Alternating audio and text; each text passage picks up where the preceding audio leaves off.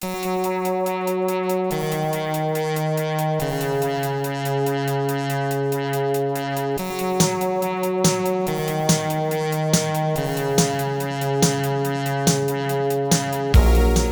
to First Draft with me, Sarah Enni. Today I'm talking to Lilliam Rivera, a journalist, radio show host, and essayist whose debut young adult novel, The Education of Margot Sanchez, is out now.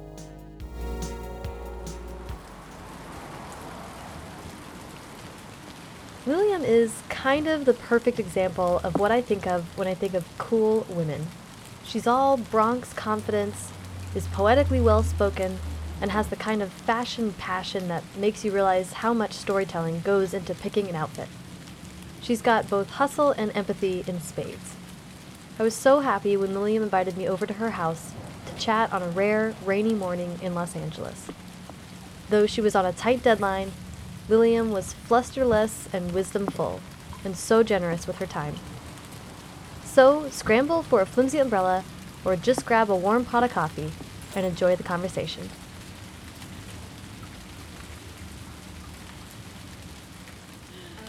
Uh, yeah, so how are you doing? I'm good. I'm Good. good. I am in the middle of uh, rewriting a second novel, so I've just been doing that. Like Oh just been holed up in the house doing Mhm. that. We will definitely get to that. Um, so I like to start at the very beginning, which is where were you born and raised? Sure. Um, I'm from the Bronx, from Bronx, New York. I grew up there, um, 183rd and Webster Avenue. It's in the housing projects. Um, my family still lives in the Bronx. I moved out here, I would say like 2000 Okay. for work. And um, my background is in like entertainment journalism Okay. and uh, celebrity interviews and stuff like that. And so I moved to LA and um, yeah, I've been living here since, but I go to New York like uh, two, two or three times a year. What role did uh, reading and writing play in your childhood growing up? It played a big part. I mean, I think for me, I was definitely like I was a really shy person. Mhm. Um, you know, my parents came from Puerto Rico, and they, you know, they moved to New York, and they didn't know how to speak English. And my, but my mom learned watching like soap operas, Mhm. and so and for mom for my mom, it was like her duty. You know, she took care of us for the most part. My father worked, and she would take us to the library. I mean, that was like one of the earliest memories of me is like us walking from our house to the library and it wasn't Mhm. like super close Mm-hmm. so it was like a, a bit of a walk but she would take us there and we would just stay there like she she knew that there would be like story time and Yeah. we would talk to the librarians and librarians would pick books out for us and i think when i was five or so i i knew only spanish Mhm. and so then, you know, it's, this is my way of learning English was really just going through those books. And my father, uh, you know, like a hidden poet or whatever, like he would recite poetry or read the Bible. And so these are the ways that we would learn words. Like I would fall in love with story and words. So, I mean, the libraries were like a really big part of my childhood. Yeah, that's amazing. Yeah. And okay, super interesting that you're that English is your second language. Was for a second, yeah. for like kindergarten and first grade. I try to practice it as much as I can now. You know, I speak to my parents in Spanish for the most Mhm. part, but I'm really rusty. But yeah, and at first it was for sure. Like Yeah. everything was, and you know, I just grew up in that kind of dual Mhm. household of wanting to kind of get all the mainstream media you can get all the TV shows, all the movies, and then also still be in love with the Spanish language through music, through TVs, you know, through just family and stuff. Yeah. So it was always like a dual kind of lifestyle. Yeah, it's always fascinating to me when writers are come from a background of more than one language because it's like I read a couple things about I think someone who was raised speaking Japanese and English and that their her her parents were really struggled with whether to raise her speaking Mhm. both at home because they were there's studies about people engaging in abstract thought with one language or the other and that it can make it more cha- I mean it's really interesting to think about Yeah, it's like who was it? Like someone was saying that if you go to another country and you're trying to learn that language, are you dreaming in that language? Yeah, yeah. And I just thought that was so like that was when you cross cross like a threshold or something of like now that language has become a part of your dreams. Mhm. And I was like, oh, that's really cool. Like I love that. yeah, it's neat to and then yeah, I don't know everything about. It. And then I read something recently about when people speak more than one language, they uh, are able to grasp nuance better. I mean, it's this whole thing. So, well, you see, I mean, I feel it's funny because now you know since my spanish is so rusty when i speak it it's i feel so blunt Oh, funny. because i'm so it's so simplistic the words that i'm the sentences i'm using right. and it's there's no nuance it's Right, just right, right. straight and so i'm just yeah it's interesting Which is its own like kind of delightful way of speaking. I Right. love that. That's so funny. Um, well, that's really neat, and I love that the libraries were so important to you. I feel like that was that was true for me as a kid too. It was like we moved around a bunch, and the Mm. first stop was where's the library? Yeah, it's like from now where I live, our library is so close. Like we could walk to it, and I don't know. That to me is like so important, just to know that the library is close, like walking distance. Yeah. Like I need to be able to just go there and hang out. Yeah, it feels like a safe place. right. Yeah, it really is for a lot of kids, and I spend a lot of time in libraries still, just working there and and you just see these kids and a lot of kids they are those are their safety places Yeah. to just be able to work and just hang out Mhm. i love that Yeah. When did it move from reading so much to writing? Let's see. I don't know. I I've always written stuff. Like I would always carry a notepad with me around and a pen and because I was shy, I was just really in my head a lot. So Yeah. I would write a lot, Yeah. but it wasn't something that I would like, you know, I never wrote a story or submitted anywhere. You know, I was a heavy reader. I definitely like to write on my own and Mhm. more like like journals and stuff like that. But I didn't start thinking about writing until high school when I was like forced to do the journalism. Oh, right. Like, you know, forced to do the school newspaper. Again, because I was shy.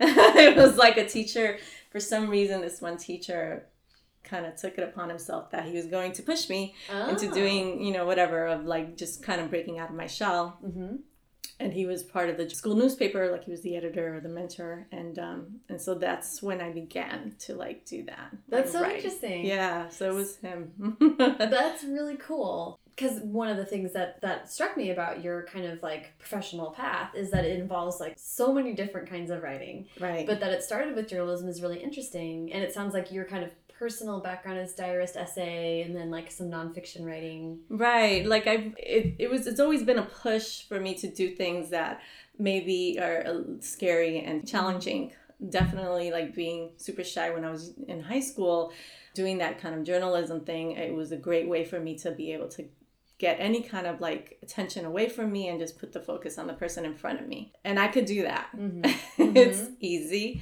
It's not easy. It's just a great way for me to have to, to defer like don't look at me. Right, right, right. look let me This talk to you. me. yeah. Yeah, yeah. so it's really cool. And i do like to be able to talk to other people. Like i find that you know it's fun to interview people even if it is like like entertainment stuff or things that are outside of what i would normally live but i find those things fascinating because they all feed into my fiction it all feeds into my fiction mm-hmm. whatever it is whatever type of writing i'm doing it's like things that i'm storing and later on will come out somehow Yeah.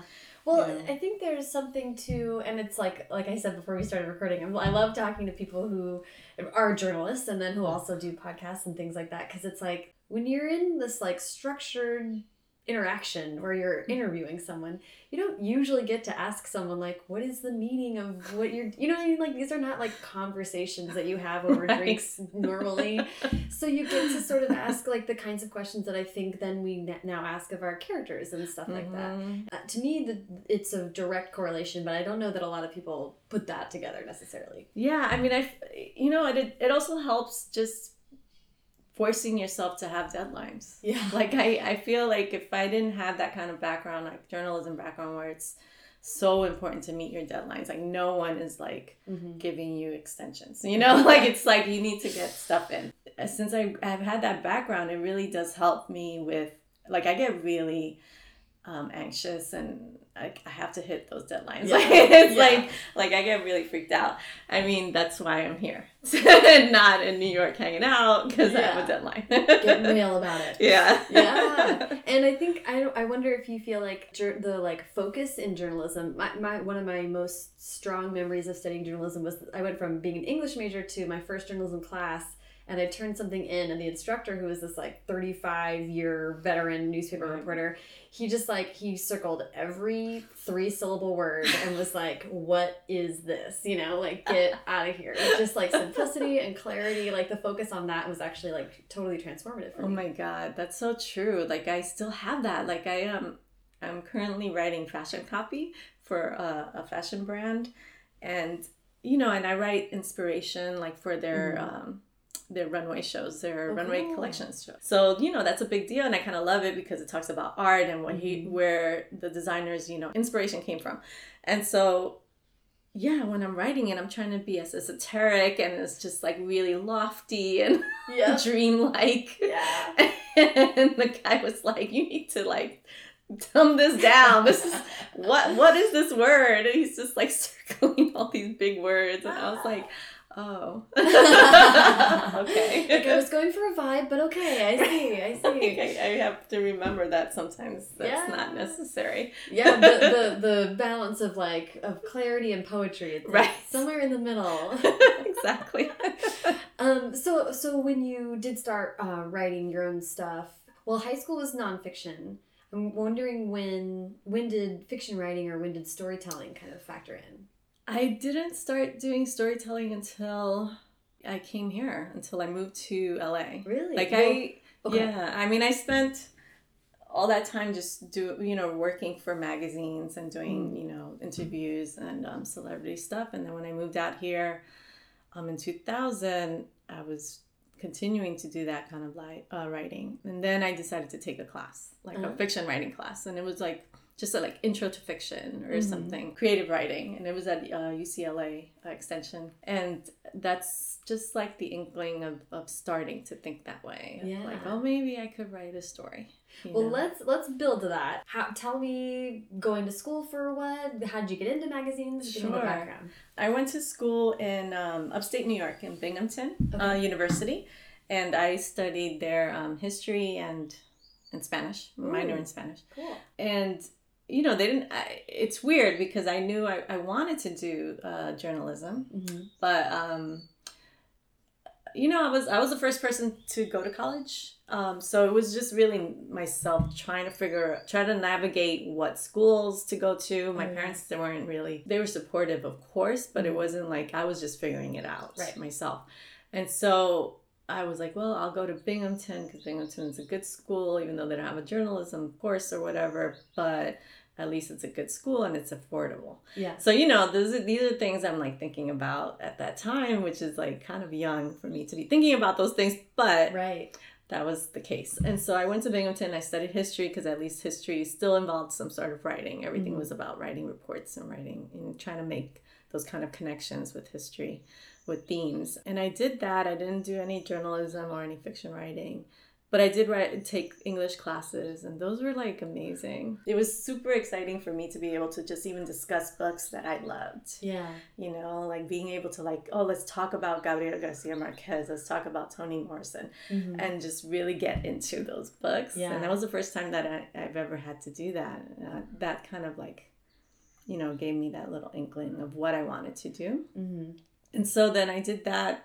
I went away to Spain for a year, and um, and then I came back. I finished. Um, then it was like, go get a job. Yeah. get a job, and it was always going to be like I have to get a job somewhere, like a newspaper or magazine. That's so. It's, it's really interesting to me that you really like you were so sure about journalism the whole time. Yeah, I just knew that it was something I could do. I know I could. I know I could ask questions. I knew I could do like I could write it Yeah. out. But it was also important to me that I find a place that I could do it. You know, obviously all those magazines that were out, they were the same magazines that are out now. Like I was looking at all the women's lifestyle magazines, like 17 or Cosmopolitan or Glamour or, you know, all of those. Allure, um, Vogue.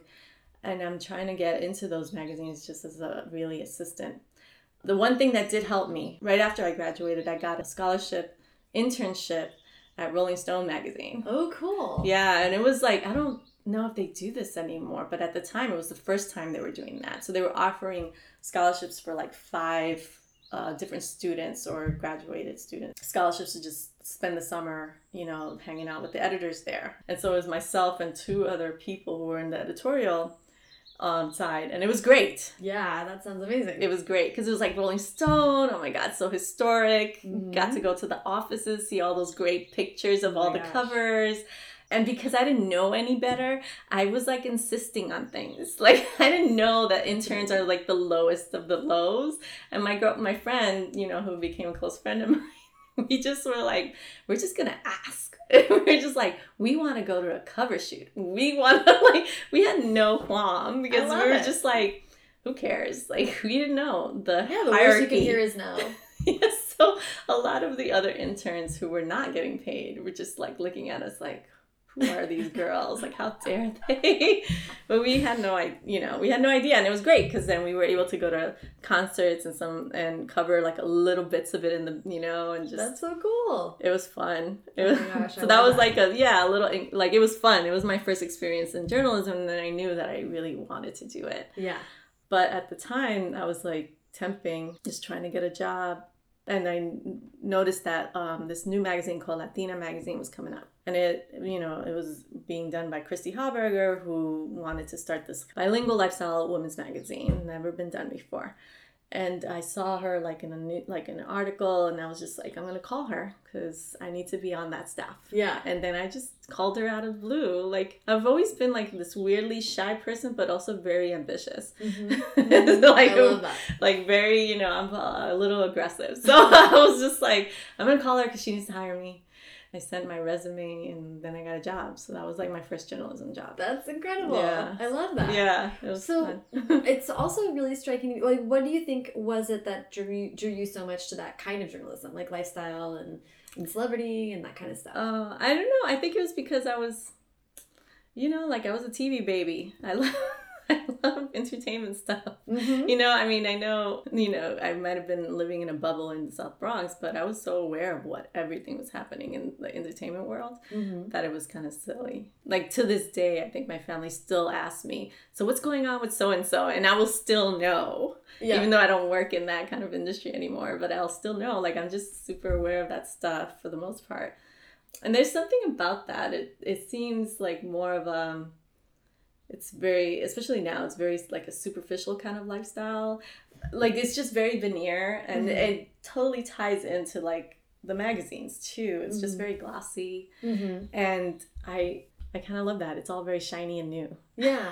Yeah. There. I mean, like. I could talk about that forever. The nexus between being a serious person, but still like recognizing the value of like these were people who were building culture. Like we ignore Beyonce on our apparel, you know, like, Right. She's like she's helping us understand ourselves. It's all like it's Right. real. right it is it is and it does say a lot about what's happening in like politically and histor- historically you know Mhm. so it's i'm totally fascinated with that stuff yeah so i i guess that's why i always knew i wanted to do entertainment entertainment journalism and also i, I was probably a little too intimidated to do anything that was really investigative pieces Right.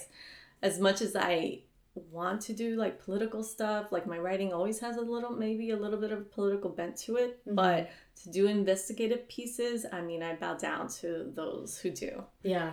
Was it extra exciting to you to be able to do like a bilingual, like, um, be a part of building something like that? Yes, I mean this was something that I like I've always wanted. Mhm. You know, it was a magazine that was going to speak about me and for me and to be a part of that when it was just starting was like such a big honor to do it. I mean, and we would have young people come up to us and just be like so happy that the magazine was out. Yeah. Um, and it was great. It was a really small group of editors, and we all became really like super tight during that time. Um, Mhm.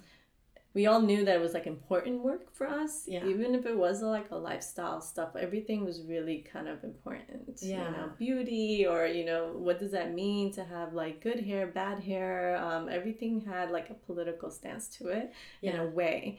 And also just even being able to celebrate like celebrities that you maybe weren't celebrated anywhere else. Like Right. don't get those covers, you know? Mhm. And that was cool. And when I, I did that for like five or six years, starting like an editorial assistant and then became like an entertainment editor, like cover, booking the covers and stuff like that. And that was so cool. it was really mm, the way I learned so much, just trial and error, just like Yeah. learning. yeah.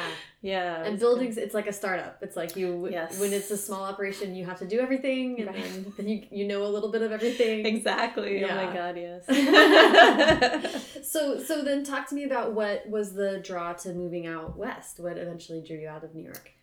It was right at the time when the the internet was just starting. Mhm. like it was like the big the big push. Like everyone is going online. Mm-hmm. And um, that's what I wanted to do. And I I was being priced out of New York, Mm. as so many are. Mhm. and I was like, you know, I, I want to live in the city. I want to live in Manhattan. I don't want to live anywhere else. And I can't afford it. Right. You know, I can afford to buy a place there time. So I was just like, why are we here? Why are we staying in New York? Let's get out of here. Mm-hmm. So I started looking for jobs like in San Francisco. And then in LA, I was able to get this job um, at um, eonline.com, but it was part of e entertainment.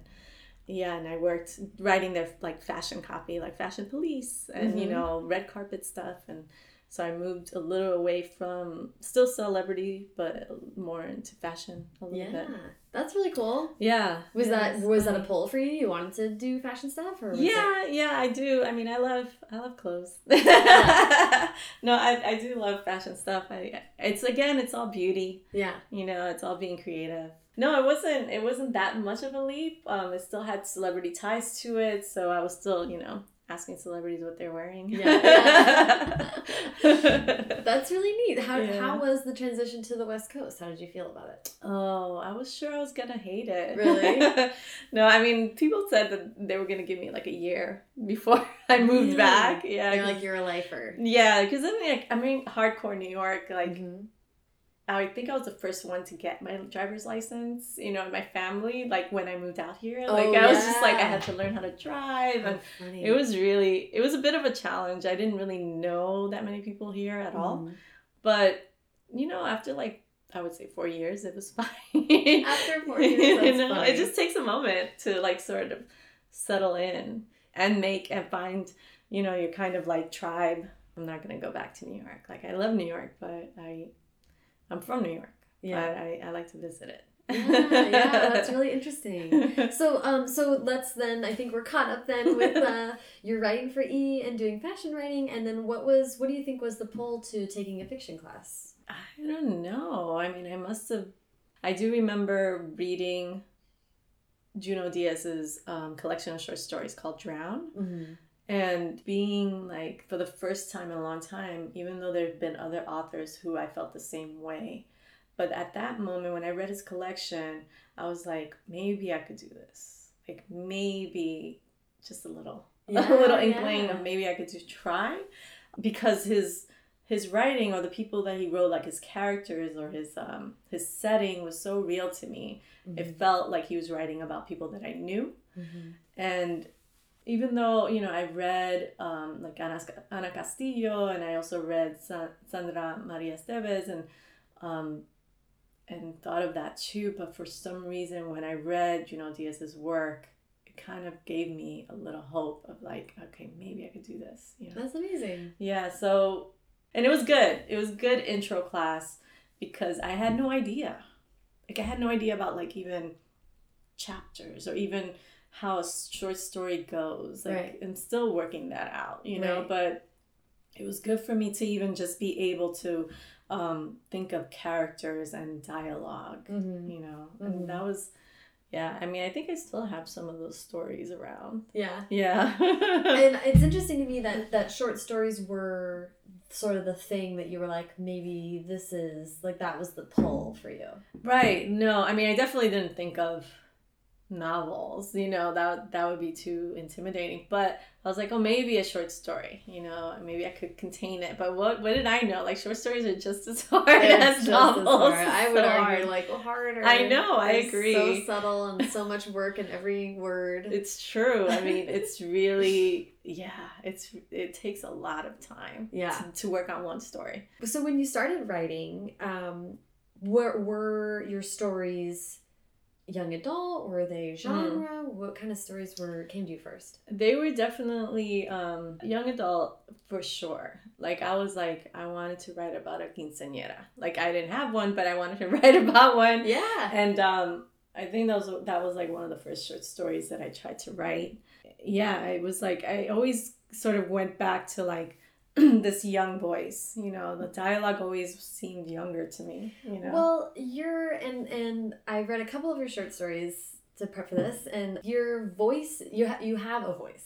Mm. And to me, it seems like when when a writer has a strong voice, and by that I mean like vocabulary and like Mhm. colloquialisms, and it seems like that feels really authentic for a young voice. Yeah, I, I mean, I, you know, I know that that's one thing that I feel like I'm strong in. Mm-hmm. Excuse me, and um, and I feel comfortable. ta- You know, Yeah. like definitely like dialogue. I feel comfortable writing dialogue when it's coming from a person who's young. Yeah. Um, but I, you know, when it comes to adults writing like adult short stories, I always go back to the Bronx. Like I always like everything is set in the Bronx. Like I'm pulling from, you know, my home. Mm-hmm. Um, and so they're all, in a way, they're all trying to discover something, right? So, like with the young people, it's like the first of first, you know, and it's the the first of like discovery. And when I'm writing adult as well, I'm thinking of that of being in a city and being one of the first of being in that city and what that's Mhm. like. And it almost feels science fiction to me. You know, it's all like genre in a way of you're almost trying to conquer what that newness is. Yeah. You know? Ooh, I like that. Yeah. That's a really fun way to think about it.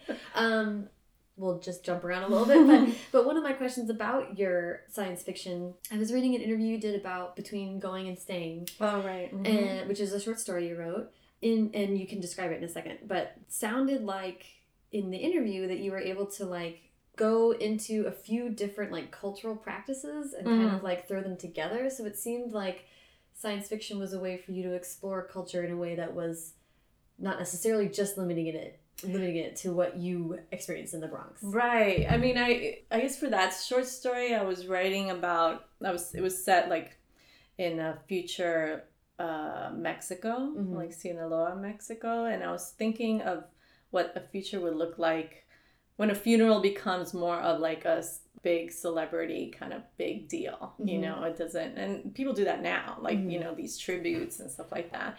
But I imagine what that would be like as a woman who kind of does that for a living like she's a professional weeper and i just was thinking like to me like you know the stuff that i was researching for that short story was really just thinking of like traditional ways of funerals Yeah. you know of ways that people are are trying to um, deal with death.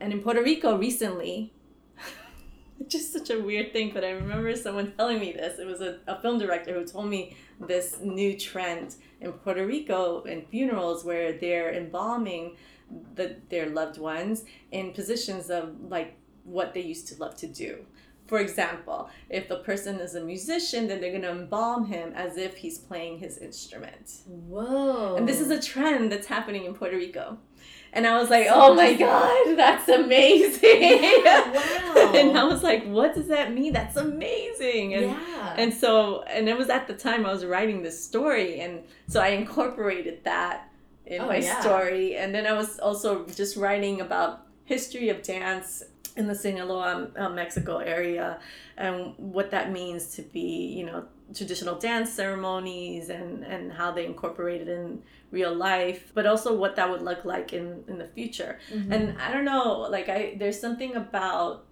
like everyone's doing this there's something about like rushing to be in the future like wanting the you know the levitating car or whatever the Mhm. self-driving car or whatever but also wanting to like honor the past Mhm. and, co- and incorporate both of them Mhm. and that's how i want like that's how i see the future like it being you know we all like what was our ancestors doing back then how Mhm. can we like bring that to our future you Yeah. know and it's like it's like all this thing about organic you know everybody wants organic or Mhm. can you plant your own stuff make Yeah. your own food you know how do you do those things like it's sort of like this go back and forth thing you Yeah. know so that's how I envision the future of like really incorporating with like high tech and then very much like down dirt level stuff. Yeah. You know? I was just describing a new podcast miniseries that I've been listening to to my mom. Uh-huh. And I was like, so it's this podcast miniseries, and all these actors are playing these roles, blah, blah. And she was like,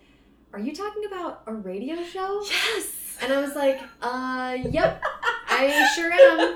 Right. I was on my phone whenever I wanted to be, and that's the only difference. It was like It's so and true. Shirley Temple, you know? right i totally i totally get that like I, I was like we're going back to like these things that maybe they're at the time they used to be super innovative Mm-hmm. you know and now it's like let's go back to that like it's more than just nostalgia though Mhm. it's really kind of incorporating this new life right Yeah, yeah, exactly. Like like the only difference is that now the radio is portable to me and I can listen to it when mm-hmm. I want and I can share it with my friends in this other ways. But it's like we like like I I'm really responding to what you're talking about with grieving and, and the mourning and this thing that's never gonna change and we're never gonna get rid of.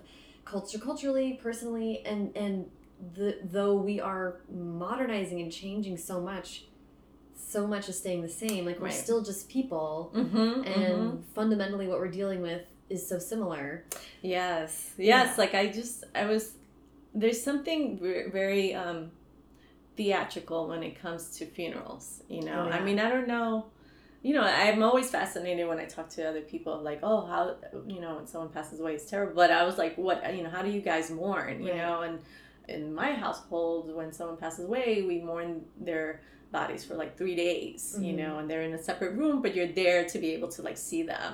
And then there's but there's also like these really kind of like like a dance in a way you know a dance of like who's going to lose their mind who's going to make a lewd joke? Who's going to get pissed off? Who's going you know like there Yeah. is this this like this dance that's happening yeah. um that I've seen and I was and I kept thinking about those things when I was writing the short story of what that means to have this kind of like heightened theatrical uh, funeral in a world where it is um you know in that in that sense and that short story is about like you know um being um drug you know like narcos corrido like those narcos who are overtaking like injustice um and people being kidnapped and all those kind of things things that are happening now in mexico. And i was trying to think of what that would let, look like being like social justice and how the youth are going to go back to to the past mm-hmm. and try to bring it to the future and how they're going to fight whatever's happening. So i don't know. It was my way of like thinking about a lot of things that were happening at the currently you know just you know the shooting in charleston the drug like violence in mexico things that are happening currently like how do like write short stories fiction without it being so nonfiction yeah well You th- know? and this is really striking to me i mean we started this question talking because i wanted to s- explore the function that genre serves for you and it Mm. kind of seems like by not limiting yourself necess- all the time to a contemporary like ground in the real world present day narrative you're able to sort of deal with a lot like charleston is not inherently the same thing as kidnapping is in mexico but but Mhm. by like getting rid of reality you right can, you can make it uh, something that you deal with in this world that you construct Right. Like I feel I don't know, like for me it's I feel hopeless sometimes when I'm reading stuff that's going on Yeah. in the world. You know, how do I, you know, involve myself? How do how do I become like socially active? Um and my work is the way I could do it. Mhm. Like it's the way for me to gra- grapple death, you know, Right. and feeling hopeless. Um, and I think even though short stories are really super hard to write, those are the ways for me to like deal with people who are stuck in those kind of worlds. Mm. Um, and it doesn't necessarily have to be genre. Like I said before, like I feel I'm thinking of of like the immigrant experience or the newness of maybe even a young young adult girl going to college for the first time and what that feels like. Yeah. And that feels very much like a world where there are rules and regulations that you don't know Mm-hmm. and that you're figuring it out. And Yeah. that feels very science fiction, very fantasy to me. yeah well it's actually like now that you're putting it that way that like so interesting and a pattern for you, like having to learn English right and then having to go to or being the first one to go to school, being the first one to learn to drive, moving Right. to the West Coast. I mean, there's been a lot. those are all those new like the newness right of like um, me doing the being the first and not knowing what i'm doing but just doing it anyway Yeah,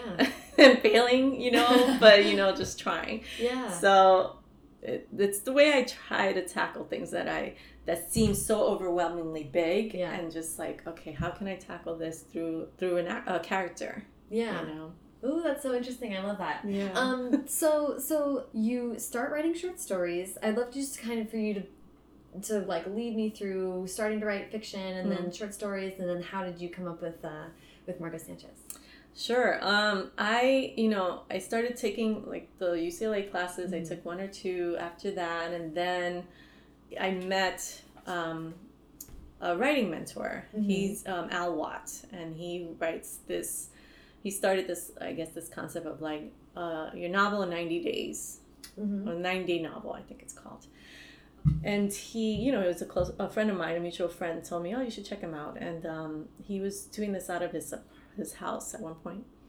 And I went to check him out. You know, I met him, and I started going to his house once a week. And he would mm-hmm. just go through this process of trying to write you write a novel in ninety days. Like I didn't know what I was doing, but I was just like, nah, let me try. I like I have an inkling of an idea, and I was telling someone the other day it was like the inkling I had was Twilight movie came out, and I was like, you know what? I'm sick these vampire movies that have no Latinas in them, that have no Latino based, you know, genres, and I'm just like, I'm just like over it. So I was like, I'm gonna write a novel.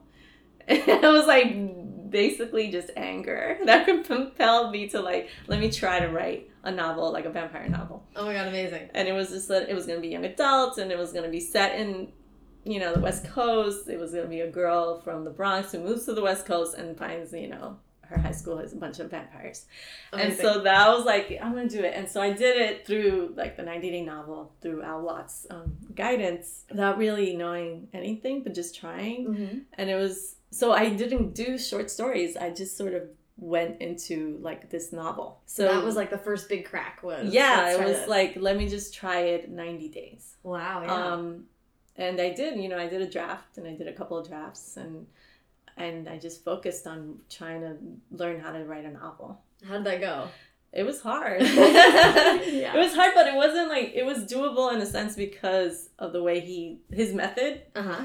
really helped me and it's still a method i use now you know and it's it's it's always driven through the character you know and it's like the arc and you know it's three uh, three act you know story whatever Mhm. and um and it just helps me you know it's Yeah. he has questions and i'm able to ask and i keep asking and i go back to the character and what what they want what they want and what they need or Mhm. you know and it's like keep continuously asking these questions so doing that it just really kind of broke the um intimidation of it of Yeah. like okay i could do a novel look i did it in nine days crap Yeah.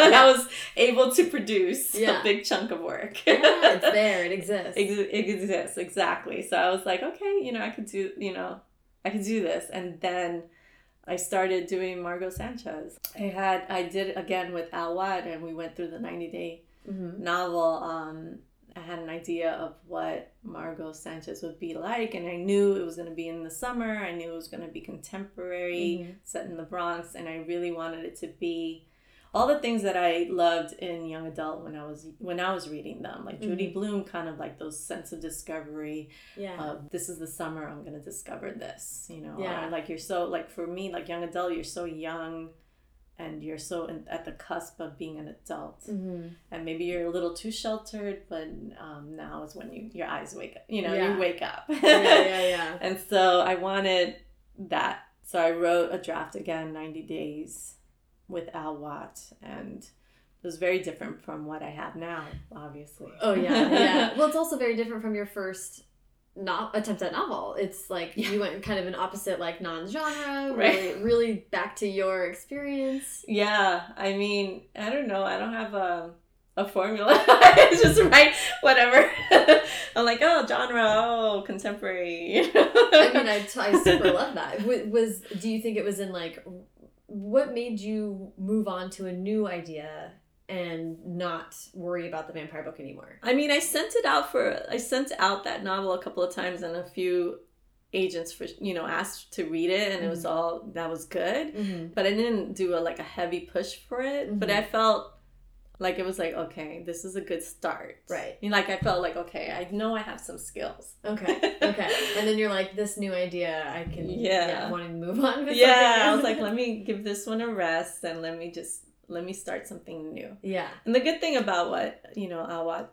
taught me was that it was you're you're just building your portfolio. You're just building these ideas, Yeah. you know. And um, so let's move on to the next one. And I was fine. You know, I was fine doing that. Just keep moving to the next project. It's know? like really important. yes, it is. Yeah. It's because if you're stuck with that one chat, you know, that one project, and you feel like this is the project, you could get you could stop writing. Yeah. Like I've seen so many people do that, and I'm Mhm. like, you, I, I don't know. I mean, I'm I'm in it to win it. Like I, I want to continue writing. Yeah. Like writing's my passion. Like Yeah. and there's always another project I could work on. Yeah. That's, I think, really, that's so freeing. When- Yeah. When you, I think some people are so afraid they aren't going to have another idea that makes them feel that way. And it's like, well, you won't unless you just kind of jump off that cliff. Right, right. You just have to continuously think there's something else I Yeah. could work on. Yeah. Like for me, the, it was like I'm glad I went into it that way because if not, I, I really would have stopped Mhm. at one point. But but also I think it was also my background. Like I was writing. Oh, I was always writing something. Yeah. So if it wasn't gonna be that novel, then it'll be another novel. Yeah, that's a really good point. That journalism is like predicated entirely. For a while, I wrote for a newsletter that was every week. Right. And sometimes you'll be like, how the hell am I going to fill this newsletter this week? Right. What can possibly happen in five days? And then it ends up like 15 pages worth of stuff happen in five days. And you're like, you know, well, the one thing I can count on is that stuff's always going to happen. Things are always going Right. to change and be new. I think that's what also because I've you know I've gone through like a monthly magazine and Mhm. I've done weekly and then I've And then done online online. It's like non-stop, never ending. So you always have this like you always have to start thinking of ideas, ideas, ideas. So you, Yeah. there was always your mind works that way. After a while, you're just like, oh, and this is another idea. I could throw that in, and then you you know you walk around, you jot down ideas, Mhm. right? So Become like a factory. exactly like you're just like uh, more and more so Yeah. so i think that helps that totally helps like that background of being able to just produce content all the time yeah. yeah. Um, so so with Margot Sanchez, so actually before we talk too much about it, um, do you mind just giving a little breakdown of what the book is about? sure um margot sanchez is a coming of age story set in the south bronx. It's margot sanchez. She's 14 years old and she is forced to work at her father's supermarket in the south bronx um, after she um, stole some money. So she's being punished. And um, she is going to find out a lot during that summer um, she meets moises she learns about her brother her father and it's just a, a, the summer of discovery for margot who's a little bit of a princesa Uh, um, so I love first right off the bat, it really struck me because Margot gets busted because she wants to buy a new wardrobe. I know. It's like my dream. like, like, of course she would. But I love that she uh it's sort of like well okay I guess let's like back into that. Because one quote that you have about the book that was really like that struck me a lot about what the book is about um, you said my novel tackles the seduction of privilege with Margot Sanchez longing to align herself with the privileged few. So she's kind of at this what is like a prep school? Right. Yeah, she's her father her parents are sending her to this really expensive prep school which they pay for, which is, you know, it's interesting that they're, she's not a scholarship kid, she's sh- they're paying for it. So they're living kind of like this like uh, maybe upper middle class kind of lifestyle, you know. Mhm. Um, they they don't live in the South Bronx. They live sort of the outskirts of the South Bronx, but they don't want to believe that they're in the Bronx. Oh, they live yeah. they live in Riverdale. It's totally different. So and they want to make sure that their daughter, who's their their one daughter, who's the youngest, gets everything. But the father's like struggling with that kind of lifestyle, right? Because obviously she's doing things that she's not supposed to be doing, like stealing his credit card for clothes. to buy clothes Right, to buy clothes, which she believes is the only way she could survive in Right. this kind of like prep school world. Right. know? It's it struck me that for her the clothes are one of the really important ways that she is like living this like, right. presenting herself. as. Exactly. It's all like it's all mask. It's all like this is her armor of how she's going to present herself. And clothes are really important for kids, you know, even now.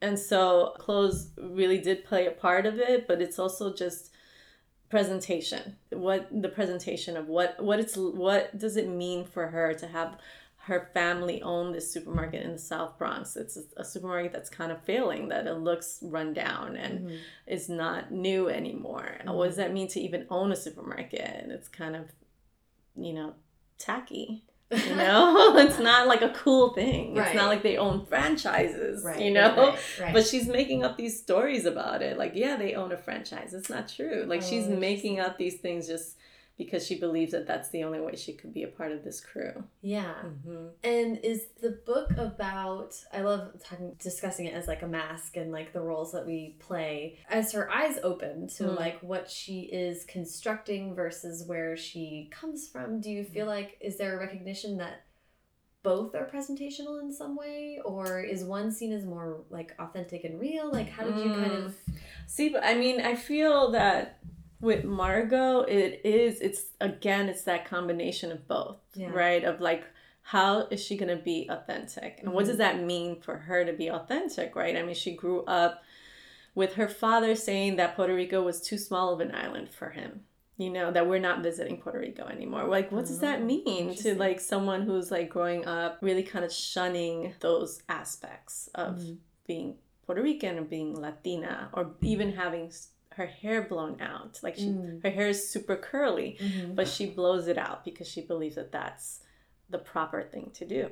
So it's like that struggle for a young person, I think, for Margot Sanchez is that like she wants to to elevate, you know, herself herself, you know, Mhm. that's the push that her parents have been stating to her like Right. she's going to be the savior of this Mhm. family in a way and um, so that burden means that she has to deny a lot of things Right. like her culture maybe like her hair being straight you Mhm. know like no i'm going to listen to only pop stars you know i'm going to just speak like i'm white you know like things like Mhm. that and um for to have her like kind of shoved into the supermarket setting is great because then she's forced to like deal with the fact that people work and people struggle and it doesn't matter if you're going to prep school or if you're in like in the south bronx in the supermarket that everyone is struggling. Mhm. everyone is competing. Or everybody wants to do better.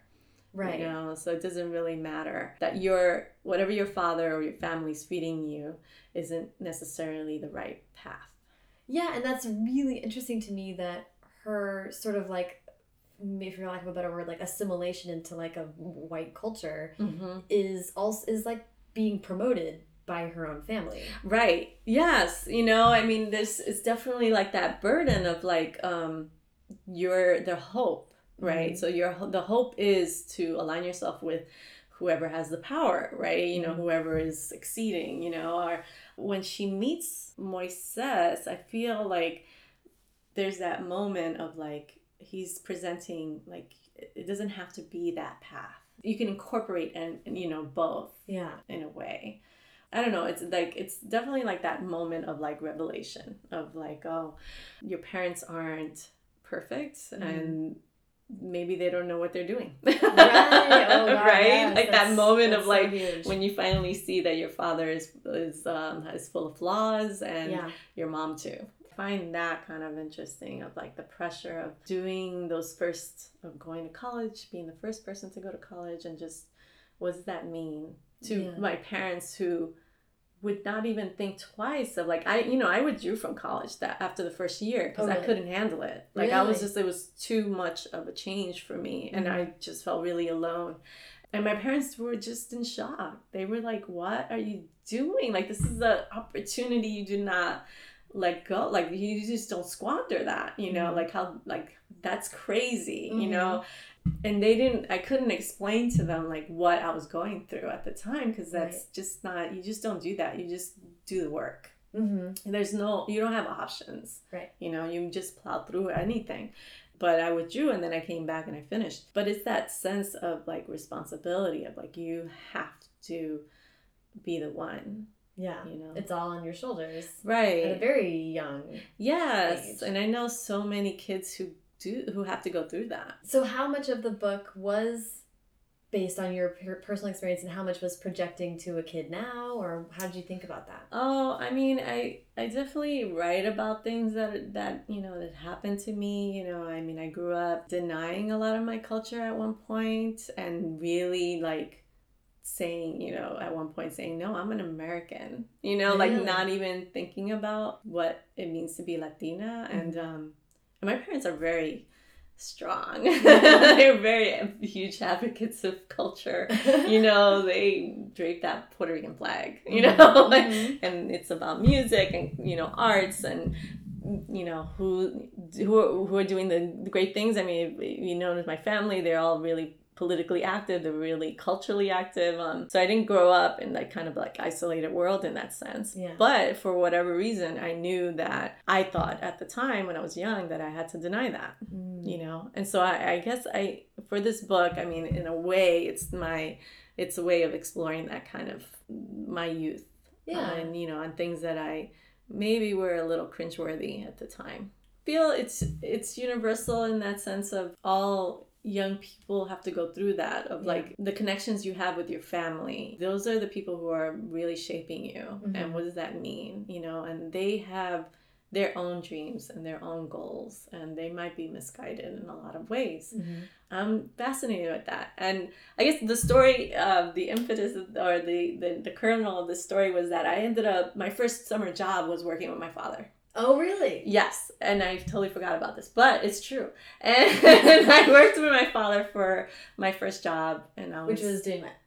he works as a nurse aide, Mm. and I worked at um, this hospital um, in Manhattan, and I was working there, like, and it was a summer of revelation. Yeah. It was definitely a very Oof, working in a hospital too. That's like real. it's real yeah and it was just it was an interesting summer. My I, came from a big family of five and my mom took the brothers to puerto rico that summer and then i stayed with my sister and my father in new york. Wow. so it was like i was working with my father and we all stayed together for that summer. And you know and it was really eye-opening that summer. Like i Yeah. learned a lot of stuff about my father that i didn't know about that uh, you know might be considered a little ugly and just secrets you know hmm so so i wanted to write about it i guess it was through fiction that i wrote about it Okay, and the other part of Margaret that I really want to to talk about is like is the second half of the quote that I'm like quoting you at you all, the whole time.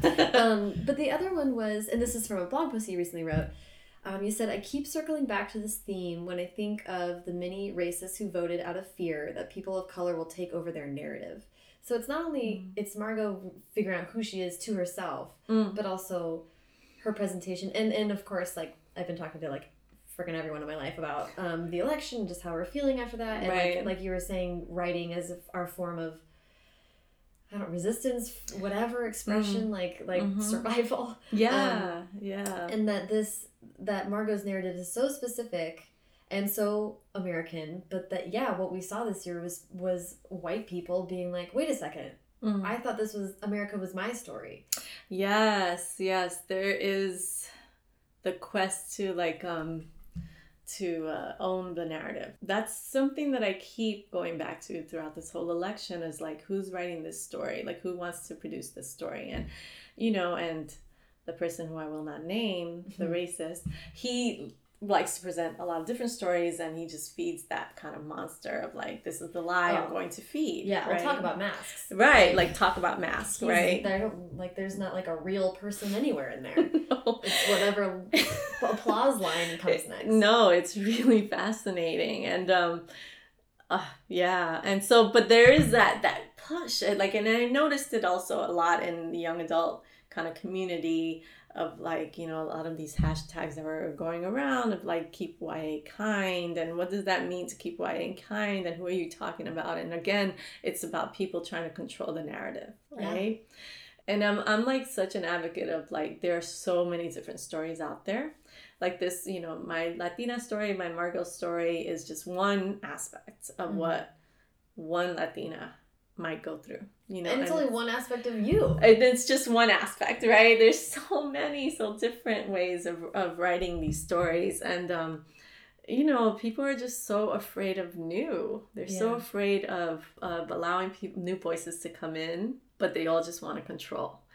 There's this great novel, um, Laila Lalami, who it was one of the um, Pulitzer Prize like nominees, Mhm. um, and it was about the discovery. It was like the Black Conqueror during like you know Ponce de Leon and the Spanish conquerors, and he was one of the explorers. He Mhm. was like the only Black explorer ever, and she writes a fiction uh, account of it, and the whole thing is about who gets to write that story. Right. You know, and he was a translator. You oh, know, Oh wow. so it was just fascinating, like even though it was a fictional account, but it was still like historical, that it's just like again that everyone wants to control right. that story and it's so fascinating to me. I'm just like, oh my god, like who is wearing these masks? Who's wearing like I'm continuously going back to like these story like that idea of putting on that mask. yeah. And my the only way I can do resistance besides writing letters because I love that, right? Yeah, yeah, yeah, writing those letters or emails or you know Twitter or whatever is really through my fiction, because if not, I feel hopeless.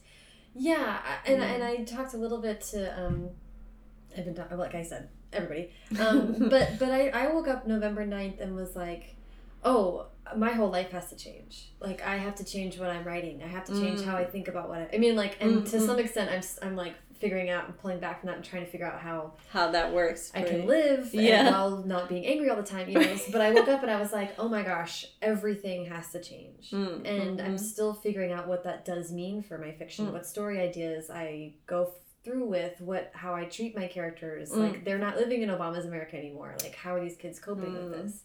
I mean, I guess for me, like I know it wasn't more so of like how I changed because it's always been this way. Mm. Like I feel like it's always been this way. It's just um you know, I mean honestly, I felt that I was I wasn't as surprised that he won Mhm. in the sense because he was selling that good line. You know, I mean, I remember when I went to New York last summer. I was in a cab with someone. I said I tell this story all the time because it's really indicative of why he won. Was that because I was in a cab and going being taken to the Bronx, and we passed some sort of golf course or something with him, and I muttered to myself some, you know, insult or whatever, and the cab was like, "No, why don't you like why don't you like him? And then we had this huge discussion, and I'm basically screaming back and forth with this guy. This guy who clearly is not from America, but was going to definitely vote for him. Wow. So to me, that was just like, that is the person who voted because they were sold that dream of living in the penthouse. Interesting. It was like the glossy gold of like, this is what rich is like. And if Mm. I vote, then maybe I can be part of that rich. right. So it's again, it's that allure of privilege. It's the allure of like, I'm gonna live that lifestyle, the celebrity lifestyle, the social media lifestyle, Instagram. I could live that if I'm like this close to this guy, you know? Wow. So I, you know, like I always think of that of that moment. So it just it makes sense to me. Like so many, you know, people in my family voted for that because they really believe that line. yeah. You know. How much do you think you've been so adjacent to celebrity for so long and like of course as a journalist and as like a person you're looking at it and you're like this is all not fake but this is Mm. all very constructed Right. i mean do you feel like that been your lens of looking through this whole thing Yeah, definitely. It is. We are living in a reality world, like Yeah. reality uh, TV, TV show. world, right? yeah Um, and celebrities, they, it's yeah, it's great see it because I'm coming from someone who has not lived that. You know, but I, you know, I and I participate in it as well. You know, well we all do I Right. mean, and we're all uh, doing it ourselves on twitter and instagram and like Yeah. constantly it's it, that is real but it is interesting to think about like whether this will be any kind of wake up call to that or will there be any Maybe. I I don't don't, know. I don't know. I mean, you know, I mean, I went through whatever, not to date myself, but you know, I went through Reagan and I went through Bushes, the Mhm. Bushes. yeah, yeah, yeah. and um it's i mean not to say homeboy is just horrible he is pretty horrible like who knows how bad it's gonna be but i don't know it's just all about preparation like Right. i feel like you know when that happened the next day i was like well i gotta prepare myself i gotta get stuff ready. Yeah. like i have to just really be prepared you know and see how that's gonna work. And that's how i feel. Like i read octavia butler's uh, parable of the sower. Like if you don't if you read that then you're prepared. It's- she really she really kind of states what is happening like in a weird strange way. That book states exactly how the world's gonna be. If we let it it's really just dark. Yeah. but it just helped me get through it like i literally read that as i was voting Wow. you know and it just Wow. like helped me like okay this is what's going down all right all right Yeah. you know people want to control that narrative they want to be pc or whatever and it's not reality no one's believing it No know? one's believing which one. the, The false narrative the- falseness yeah the false narrative like it's just like there's too many people who who aren't who there are a lot of people obviously who are but there are also a lot of people who aren't Yeah. you know it gives Well, me a little hope There's uh millions more who Right. are right technically. yeah um, it's just yeah, we're in a bind. Um, so so um, spinning off of that, how do you you're writing a new book now, revising Yes. a new book now? Are you thinking about that as you move forward as a writer? Like how much? I, you we talked a little bit about all your writing is political. All right yeah are some, to some extent political. i mean i think the book that i'm writing now is definitely it's young adults it's um it's set in the near future in the south bronx Ooh, so it's a little genre um i guess a little genre i don't know what that means but it's about um girl gangs in the future it's like in this world where i set up it's like girl gangs kind of rule the streets and so awesome. it's sort of my take of what that means Are you still doing Al Watt type of? I mean, you said that still kind of guides your. Yeah, I mean, this novel, I had a really rough draft of it. Like, I went through it again, like Mhm. 90 days. I did it, I think it was like, um, yeah, I was pregnant with my second child, and I was just like, I'm gonna write this novel. Like, I'm just gonna write a really bad draft, but I'm gonna do it because if I don't do it now, I, I probably won't. Right. So I forced myself to do it. And That's I a was- deadline. Birth. Right. I was just like, I'm just gonna write, even though I'm really pregnant. I'm excited about it. I'm really. It's a. It's it's a little different, but you know, it still has that strong sense of dialogue, even if it is in a future world. Yeah. It's still the Bronx. So I so we wrap up with advice. Okay. Um, you've given a lot of great advice on the way, but I'm wondering if um, you have any kind of basic advice you'd give to new writers. Yes, my big advice is to just um, carve our carve out a moment to write. It does not have to be so intense. You Mhm. know, for me, I mean, I I have two kids. They're young. I have a full time job, and I write every day. Like I don't play around. Yeah. And sometimes writing means writing in the car Mm-hmm. waiting for some kid to come out. Like I will take that moment even if it's an hour. Like all you need really is 2 hours Yeah. to just dedicate time to write, you know, write in a carry a notebook, just start jotting things down. When someone says something funny, just jot it down. Mm-hmm. Say, "Can I use that?" yeah, yeah, yeah. yeah, ask for permission. exactly. Like you just you want to get into that. It really is like a muscle. You just want to continuously use it every day and just like after a while your body just it doesn't have to be in a library or in an office or in front of your computer. You can just work wherever it is. Yeah. Yeah. Yeah, that's huge. Yeah, it is. It's like freeing because I used to play that game of like, no, I have to write. It has to be at a certain time and I have to be in front of my computer. And now it's just like I take my computer usually everywhere I go. And sometimes I'm literally, I've spent so many hours waiting for people that I just write in the car. Yeah. Yeah. Yeah. It's like literally my second office. That's so funny. I love it. Well, anything works, you know. Yeah. Um, well, this has been so fun. Thank you so much. Thank you. This is a great conversation. Thank you.